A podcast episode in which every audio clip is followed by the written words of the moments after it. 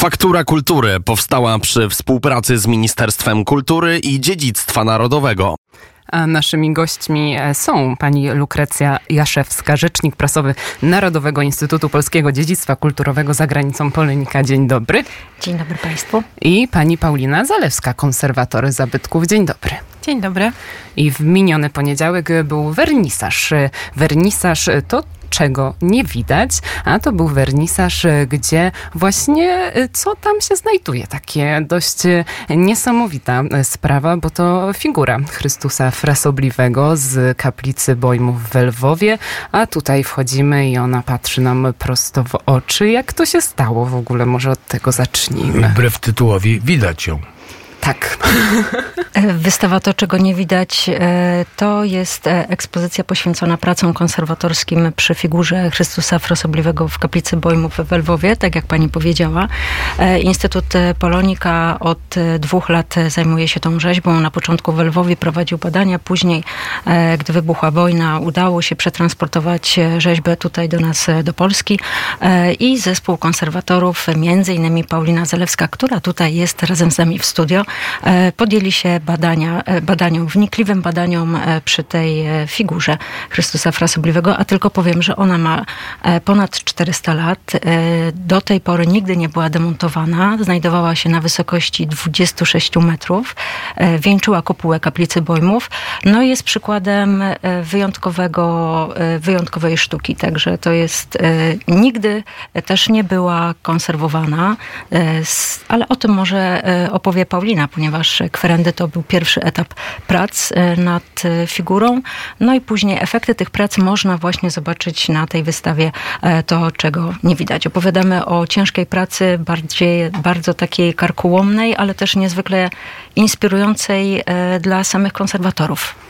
To może zanim jeszcze do tych tajników wszystkich przejdziemy, to jeszcze się zapytamy, kto E, jest odpowiedzialny e, za całość tego przedsięwzięcia, bo to wielkie przedsięwzięcie, figurę trzeba było wejść na dach, zobaczyć figurę, ściągnąć figurę. Najpierw ona była konserwowana w Lwowie, później przewieziona e, do Polski. Jak, jak to się wszystko wydarzyło? Kto jest za to odpowiedzialny? No bo nie sama pani Paulina. No, za to przedsięwzięcie jesteśmy współodpowiedzialni. W zasadzie cztery strony są odpowiedzialne za to wydarzenie, bo dzięki współpracy polsko-ukraińskiej udało nam się mm, zorganizować pozwolenia i przewieźć e, tę figurę tutaj do Polski, co nie było też łatwe, bo to były też czas wojny. E, natomiast e, miasto Lwów, e, Liliony Szczęko, zastępca do spraw ochrony dziedzictwa e, zabytków, bardzo była pomocna przy realizacji tego projektu. E, poza tym Taras Woźniak, dyrektor Narodowej, Lwowskiej Narodowej Galerii Sztuki imienia Borysa Woźnickiego, który jest tak naprawdę też właścicielem tej, tej rzeźby. No i oczywiście tutaj my, Instytut Polonika, który jest finansowany i który finansował ten projekt, oczywiście z ramienia Ministerstwa Kultury i Dziedzictwa Narodowego takie mam pytanie od podszewki. Jak, jak przejechała ta figura? Czy tirem, czy pociągiem? No bo to gigantyczna figura. No to nie jest tak, że można do bagażnika wsadzić do, do Fiata. E, z tego, co opowiadał mi pan e, Paweł, z którym rozmawiałam, to oni wymyślili taki specjalny system do przewożenia, e, skrzynka w skrzynce. Przygotowali tę rzeźbę w ten sposób, żeby ona lewitowała, bo to był tak tragiczny stan tej rzeźby, o czym na pewno powie za chwilkę pani Paulina, e, że wszyscy obawiali się, że to, że ona zostanie zdemontowana, czy ona się czasem nie rozsypie. Trzeba było odpowiednich wyliczeń, odpowiedniego dźwigu, ale wszystko na szczęście się udało. E, transport e, trwał kilkanaście godzin, to jest 450 kilometrów, ale tak naprawdę pan Paweł jechał z prędkością od 10 do 80 kilometrów na godzinę, no bo wiadomo, Lwów, drogi brukowane, więc to nie było łatwe przedsięwzięcie, bo każde takie niechybne natrafienie na jakąś dziurę mogłoby spowodować, że coś się stanie z tą rzeźbą. Więc no, duże, duże przedsięwzięcie. Także wielka, wielkie gratulacje dla całej ekipy konserwatorów, bo to, bo to nie lada wyzwanie. I też duża odpowiedzialność, bo gdyby się coś stało z tą rzeźbą, to dopiero mieli. No to byłaby afera międzynarodowa. A, a teraz chciałem się pani Pauliny zapytać. E, pani, e, jak pani zobaczyła tą pierwszy raz tą rzeźbę? E, ja miałam okazję tą rzeźbę zobaczyć już e, w pracowni. Nie było mnie przy pracach demontażowych e, w Lwowie, z kaplicy Boimów w Lwowie, więc zobaczyłam tą rzeźbę dopiero w pracowni i no, powiem, że to było niesamowite uczucie zobaczyć z bliska tak wyjątkowej klasy rzeźby. No i wyjątkowe uczucie móc przy niej pracować, prowadzić badania, a potem prace konserwatorskie. E, jest to naprawdę wyjątkowa okazja, e, aby zobaczyć teraz z bliska e, rzeźbę na wystawie. E, ponieważ rzeźba wkrótce wróci, miejmy nadzieję, że wkrótce wróci na, e, na kopułę kaplicy Bojmów i że będzie mogła cieszyć e, oczy lwowian. Także serdecznie zapraszamy na tą wystawę, na której można poznać kulisy właśnie naszej pracy, zobaczyć badania, które wykonaliśmy przy figurze, no i podziwiać rzeźbę, tak, spojrzeć jej po prostu z, bliska w oczy, E, i zobaczyć to, czym tak naprawdę, z czym zmagamy się my, konserwatorzy, w naszej codziennej pracy. No właśnie, bo y, chciałem tylko e, przypomnieć, że to wszystko się dzieje w oknie na kulturze vis-a-vis Pałacu Prezydenckiego na krakowskim przedmieściu. Że 17. 17, więc tam można oglądać Chrystusa Frasobliwego i całą wystawę poświęconą konserwacji, no bo to były niesłychanie ciekawe etapy. No bo samo oglądanie rzeźby to na mnie największe wrażenie zrobiło, ale ale też te etapy. Właśnie może pani przejdzie tą drogę konserwatorską, bo to, bo to niesamowite. E, tak jak już tutaj rozmawialiśmy, e, pierwszym e, etapem prac już stricte powiedzmy konserwatorskich jest demontaż rzeźby, który jak powiedziała pani Lukrecja wcale nie był taki prosty. Tutaj warto powiedzieć, że rzeźba nie była demontowana od prawdopodobnie od, od momentu jej umieszczenia na kopule kaplicy Bojmów, czyli 400 lat temu. Przez 400 lat nie była demontowana zamontowana.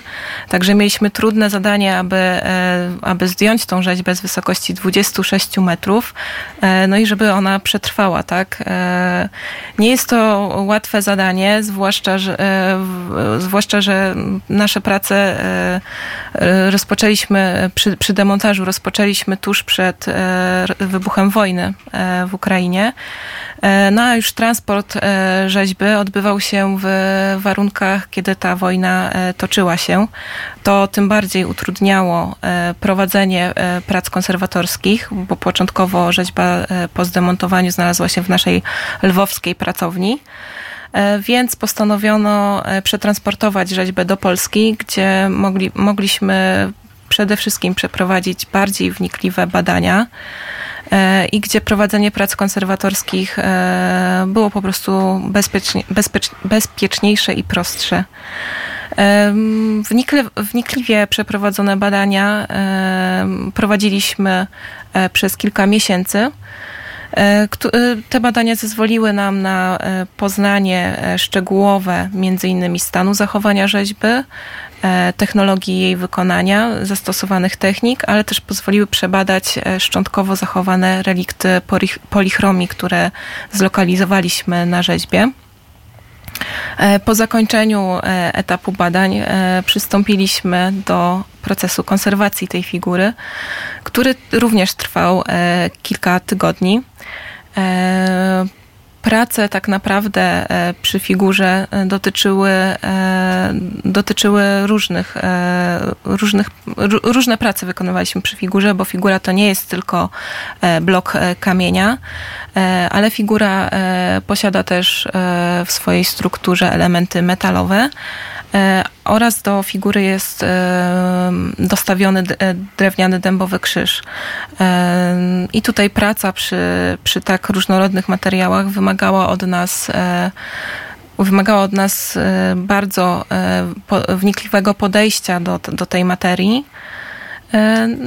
No i, i, i, no i te prace toczyły się przez kilkanaście tygodni, a efekty e, są przedstawione szczegółowe efekty e, pracy e, i poszczególnych etapów przedstawia właśnie ta wystawa. Ale ja jeszcze może tylko bym dodała, że te efekty to są w dużym skrócie, ponieważ tak jak opowiadała kuratorka wystawy Marta Kruczyńska, kwerendy i praca w archiwach doprowadziła do stworzenia pliku ponad 200-stronicowego materiału i z tego materiału wybraliśmy takie kluczowe, najważniejsze informacje, z którymi chcielibyśmy się podzielić e, e, z ludźmi, którzy są zainteresowani nie tylko sztuką, ale historią, tym, tym, jak przeprowadzane są badania, bo ta wystawa jest wystawą, nie chciałabym, żeby to źle zabrzmiało, ale ona nie jest łatwa tak naprawdę, bo e, wiadomo, że centralnym mm, eksponatem jest Chrystus frasobliwy. Natomiast na tych planszach Państwo zobaczycie cały przebieg e, tej trasy, e, jak były prowadzone te badania i gdzie.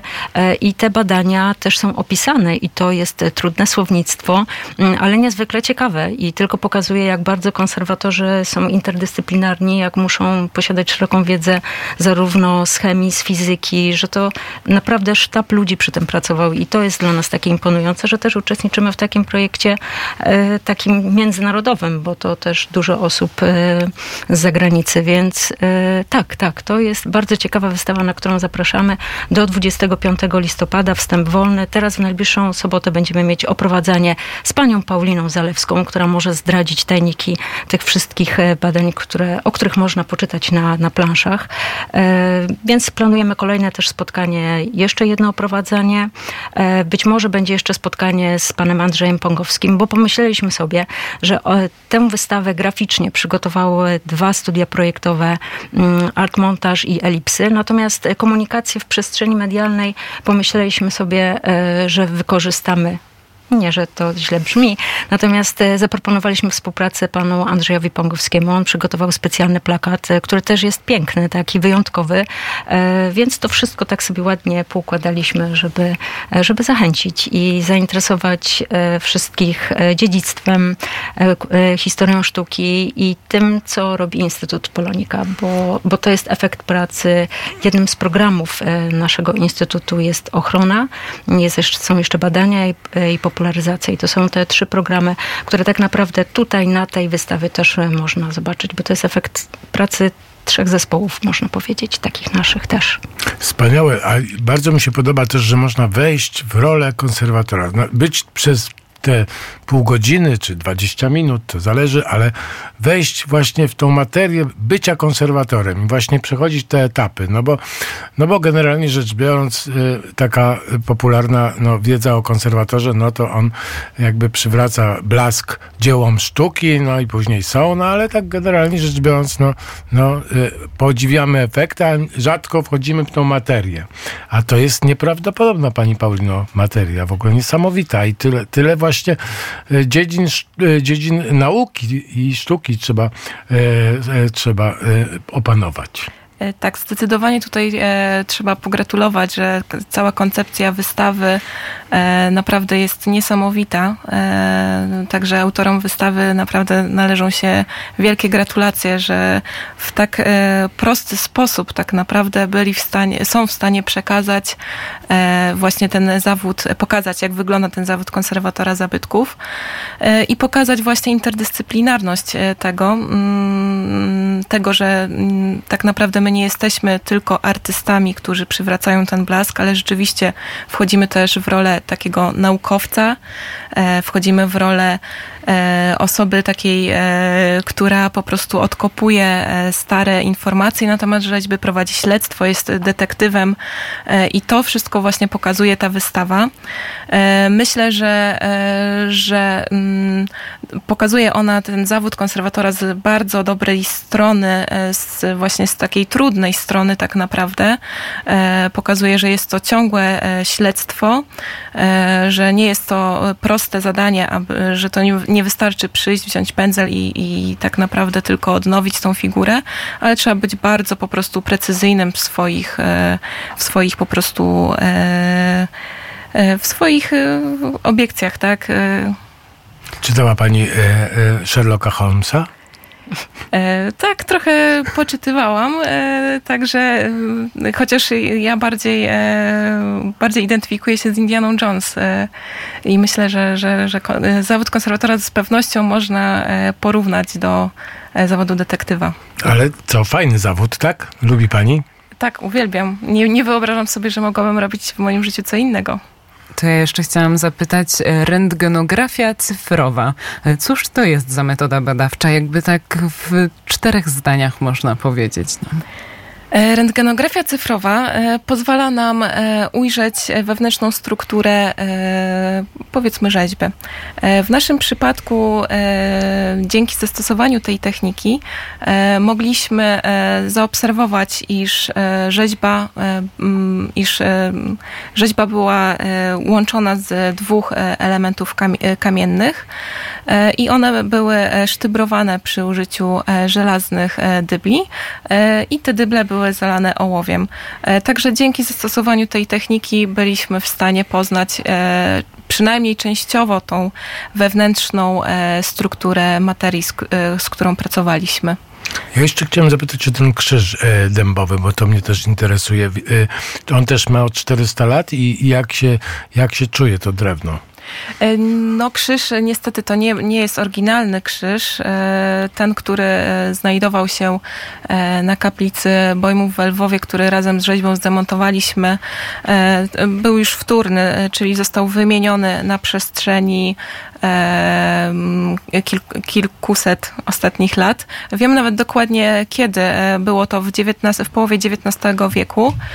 E, No niestety drewno jest taką materią, która nie jest w stanie przetrwać aż tyle czasu jak e, powiedzmy kamien, jak kamienne rzeźby. Miejmy nadzieję, że ten krzyż, który, bo rzeźba będzie eksponowana z nowym krzyżem, dzięki technikom zabezpieczenia, które zastosowaliśmy, będzie mógł jak najdłużej przetrwać ekspozycję na kaplicy Bojmów w Lwowie. A te polichromie, na ile się uda odtworzyć? Czy będzie jeszcze taka próba, żeby one były wyraźne?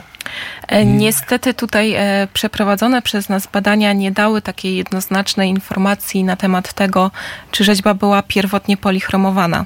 E, Mimo iż odkryliśmy, iż na rzeźbie występuje kilkanaście faz chronologicznych przemalowań figury, to nie jesteśmy w stanie powiedzieć, że pierwotnie zamysł twórcy był taki, że rzeźba e, była polichromowana. Dlatego też e, nie, założy, nie zakładaliśmy, że będziemy odtwarzać polichromię. E, Też zachowane relikty są naprawdę bardzo, ale to bardzo niewielkie. Także mm, tutaj nie, nie było mowy o tym, żeby odtwarzać te polichromie, ale mm, co ważne, to mm, takie relikty polichromii zachowuje się i zostały one specjalnie zabezpieczone, aby móc przetrwać kolejne kilkadziesiąt lat. Być może, e, być może konserwatorzy z przyszłości będą w stanie e, powiedzieć coś więcej na, na ich temat, będą, być może będą w stanie zastosować inne, lepsze technologie niż, e, niż te, które my, z którymi my się posługiwaliśmy i być może uda im się odkryć coś więcej na temat e, polichromii tej rzeźby. Czyli konserwacja to taka nieustająca opowieść, która cały czas się rozwija. A teraz chciałem jeszcze o jedną rzecz zapytać zupełnie innej beczki y, do obu pań, bo to jest niesamowite, bo ta rzeźba jest e, wyrzeźbiona dla osoby, która patrzy z dołu. W związku z tym możemy, jak wchodzimy, y, to widzimy, że tam są jakieś takie, no y, jakby to, ta rzeźba była robiona na, e, dla kogoś, kto ogląda ją tak jak teraz, no to są tam jakieś e, skróty perspektywiczne, e, jakieś e, niedoróbki, można powiedzieć, a okazuje się, że to wszystko był zamysł, dlatego, że miała ona być tylko i, i wyłącznie widziana właśnie z dołu. I to niesamowite. To, to chciałem, żeby Państwo też zwrócili uwagę, jak pójdziecie tam na tą wystawę. Tak, e, rzeczywiście rzeźba jest przeznaczona do oglądania z nieco niższej perspektywy niż jest prezentowana na wystawie, dlatego warto schylić się i spojrzeć na nią e, bardziej z dołu i wtedy rzeczywiście będziemy mm, mogli ujrzeć ten kunszt tej, e, tego dzieła. Często, znaczy często, rzeźby, które były przeznaczone do oglądania, właśnie do zamontowania gdzieś na, na szczytach budynków, e, rzeczywiście oglądane z perspektywy e, posadzki e, nie wyglądają już tak pięknie. E, proporcje często są zachwiane, dlatego musimy o tym pamiętać, e, że to, że proporcje nie, nie zgadzają się, jeśli patrzymy na rzeźbę wprost, to nie jest tak, że artysta e, nie umiał. Tak, nie umiał lub coś mu nie wyszło, tylko to jest właśnie ta perspektywa, która naprawdę, ale robi wielką, wielką różnicę. I też to, co warto powiedzieć, to to, co, z czym my się zmagamy w naszej pracy konserwatora, to to, że teraz w momencie, kiedy my konserwowaliśmy taką rzeźbę w pracowni, musieliśmy sobie odtworzyć warunki konserwacji takie, żeby ta rzeźba po zamontowaniu na kaplicy wyglądała dobrze, bo rekonstruowaliśmy fragmenty rzeźby, e, między innymi e, koronę cierniową, która nie zachowała się do naszych czasów i żeby ona wyglądała e, poprawnie, musieliśmy odtworzyć te warunki, czyli podnosić rzeźbę co chwilę, co chwilę właśnie ją podnosić, oglądać z różnych perspektyw, żeby po prostu ta korona miała odpowiednią formę. A czy były takie jakieś na przykład obrazy, z których, którymi się po, posiłkowaliście, na przykład obrazy, tak jak Kanaletta, e, Warszawę e, e, na podstawie obrazów Kanaletta często, często odrestaurowywano. Czy były na przykład no, obrazy? E, obrazy co prawda nie, e, ale mm, tutaj e, odkryliśmy, a w zasadzie tutaj na pomoc przyszła pani Marta Kruczyńska z Poloniki, która poinformowała nas, iż udało jej się zdobyć wysokiej rozdzielczości archiwalne zdjęcie figury Chrystusa Frasobliwego z 1916 roku. I okazało się, że po powiększeniu tego zdjęcia widoczna jest forma właśnie niezachowanej do naszych czasów korony cierniowej. I dzięki właśnie wnikliwej, wnikliwej, wnikliwej analizie tego zdjęcia udało się e, prześledzić i odtworzyć e, to, w jaki sposób e, mogła wyglądać ta korona cierniowa. Początkowo wykonaliśmy model z gliny, który był konsultowany z osobami, które zajmują się profesjonalnie rekonstrukcjami mm, rzeźb i tutaj właśnie mm, potem wykonaliśmy rekonstrukcję korony cierniowej. Wzorowaliśmy się także na na podobnych rzeźbach Chrystusa Frasobliwego, e, aby prześledzić to, w jaki sposób mogła, mo, mogą wyglądać korony cierniowe, cierniowe i inspirowaliśmy się e, tego typu przedstawieniami. To może na koniec powiedzmy, bo my już widzimy efekt tych prac, widzimy piękną wapienną rzeźbę, jak wejdziemy do galerii, ale w jakim ona była stanie, jak zaczęły się te prace konserwatorskie? E, na wystawie jest jedno zdjęcie, które prezentuje to, e, jak rzeźba e, wyglądała przed konserwacją. Co prawda w niewielkiego formatu, ale warto zwrócić na, na nie uwagę. Przede wszystkim rzeźba, podstawa rzeźby była roztrzaskana. Znajdowała się w kilku kawałkach. I to jest ten e, główny element, który e, zagrażał stabilności e, rzeźby na kopule. I ten taki zapalnik, który dzięki któremu podjęto decyzję, żeby rzeźby zdemontować i zabezpieczyć tak naprawdę tą podstawę co więcej, figura była pokryta licznymi nawarstwieniami. Były to innymi nawarstwienia biologiczne, ale także nawarstwienia gipsowe. E, czarne nawarstwienia, które dodatkowo osłabiają strukturę kamienia, liczne ubytki, spękania, e, no i oczywiście zniszczenia metalu, e, brakujące elementy, które musieliśmy zrekonstruować. Ogólnie stan figury był bardzo zły.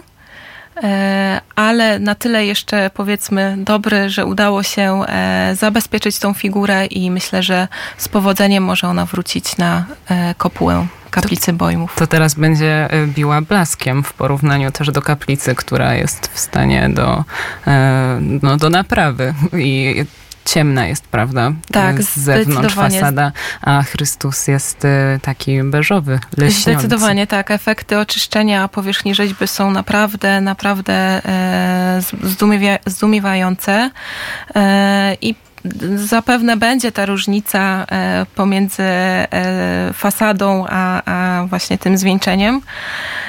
Ale miejmy nadzieję, że już niedługo również fasada kaplicy Bojmów będzie mogła zabłysnąć i będzie można podziwiać ją po pracach konserwatorskich. A to bardzo piękna kaplica, jeden z najpiękniejszych zabytków w Lwowie, prawda? Prawda, prawda. A jestem, ja chciałem powiedzieć, że jestem z pań tak dumny, że panie e, przyczyniły się do tego. E, nasze panie kochane, pani Pani rzecznik i pani konserwator, cudowne. To ja myślę, że chyba warto tutaj jeszcze wspomnieć, e, kto jest e, kuratorką wystawy, żebyśmy nie zapomnieli o tym, bo to są ważne osoby, które oczywiście miały udział przy powstaniu tej wystawy, czyli Marta Kruczyńska, pomysłodawczyni e, tego projektu. Ona zajmuje się tak naprawdę w naszym instytucie nadzorowaniem prac właśnie w zakresie ochrony. To ona bardzo często jeździ na Ukrainę, do Lwowa, nadzoruje wszystkich konserwatorów, także to był też jej pomysł, bo ona przy pracy przy tej figurze zauważyła ogrom właśnie tej pracy badawczej, którą przeprowadził zespół e, pani Pauliny e, pod kierunkiem Pawła Jędrzejczyka i pod nadzorem profesora Janusza Smazy z ASP. Więc dlatego powstała ta wystawa, no bo właśnie pomyśleliśmy sobie, że to będzie taki namacalny efekt, żeby pokazać, co my robimy, co nasz instytut robi, w jaki sposób prowadzimy te badania, a poza tym no, niezwykła możliwość zobaczenia rzeźby z bliska, tak jak Paulina powiedziała. E, po 400 latach nie będzie drugiej takiej możliwości. Ta, ta rzeźba tutaj w Polsce będzie z nami do 25 listopada, potem e, wraca do Lwowa. Oczywiście jest wojna, więc e, nie będziemy jej e, umieszczać na kaplicy Bojmów. Taka też jest decyzja. Być może z początkiem stycznia będzie pokazywana gdzieś w przestrzeni Lwowa. Jeszcze trwają ustalenia. Natomiast no, no wiemy, to jest czas wojny, trudny czas, więc na razie żadnych decyzji takich ostatecznych nie, nie ustalamy. Najważniejsze i, i też chyba dla tej figury jest to, że ona tutaj jest, bo też jest bezpieczna z tego tytułu, że tam jest wojna. Także... To jeszcze może dopowiem, e, że tutaj za e, pracę konserwatorskie odpowiadał e, sztab tak naprawdę konserwatorów. Właśnie to była firma ZKR pod kierunkiem Pawła Jędrzejczyka, z którym równolegle wykonywałam prace konserwatorskie i badania. Bardzo serdecznie dziękujemy za rozmowę. No i jeszcze dwa słowa podziękowania dla ministra Piotra Glińskiego, bo ja myślę, że to też ważne, bo y, ten patronat ministerstwa tak, to ja jeszcze powiem, e, że właśnie ta nasza wystawa jest pod patronatem e, profesora Piotra Glińskiego, ministra kultury, dziedzictwa i narodowego i ambasadora, ambasadora Ukrainy w Rzeczpospolitej Polskiej Wasyla Zwarycza. Także też dla nas jest to niezwykle istotne, że taka współpraca międzynarodowa jest kontynuowana. E, I oczywiście to wydarzenie to taki prestiżowy, te patronaty zawsze dodają takiego prestiżu naszym wydarzeniom. Bardzo serdecznie dziękujemy za rozmowę, a Państwa zapraszamy do Galerii Okno na Kulturę Krakowskie Przedmieście 17. Tam Chrystus Frasobliwy z kaplicy Bojmów. Faktura Kultury powstała przy współpracy z Ministerstwem Kultury i Dziedzictwa Narodowego.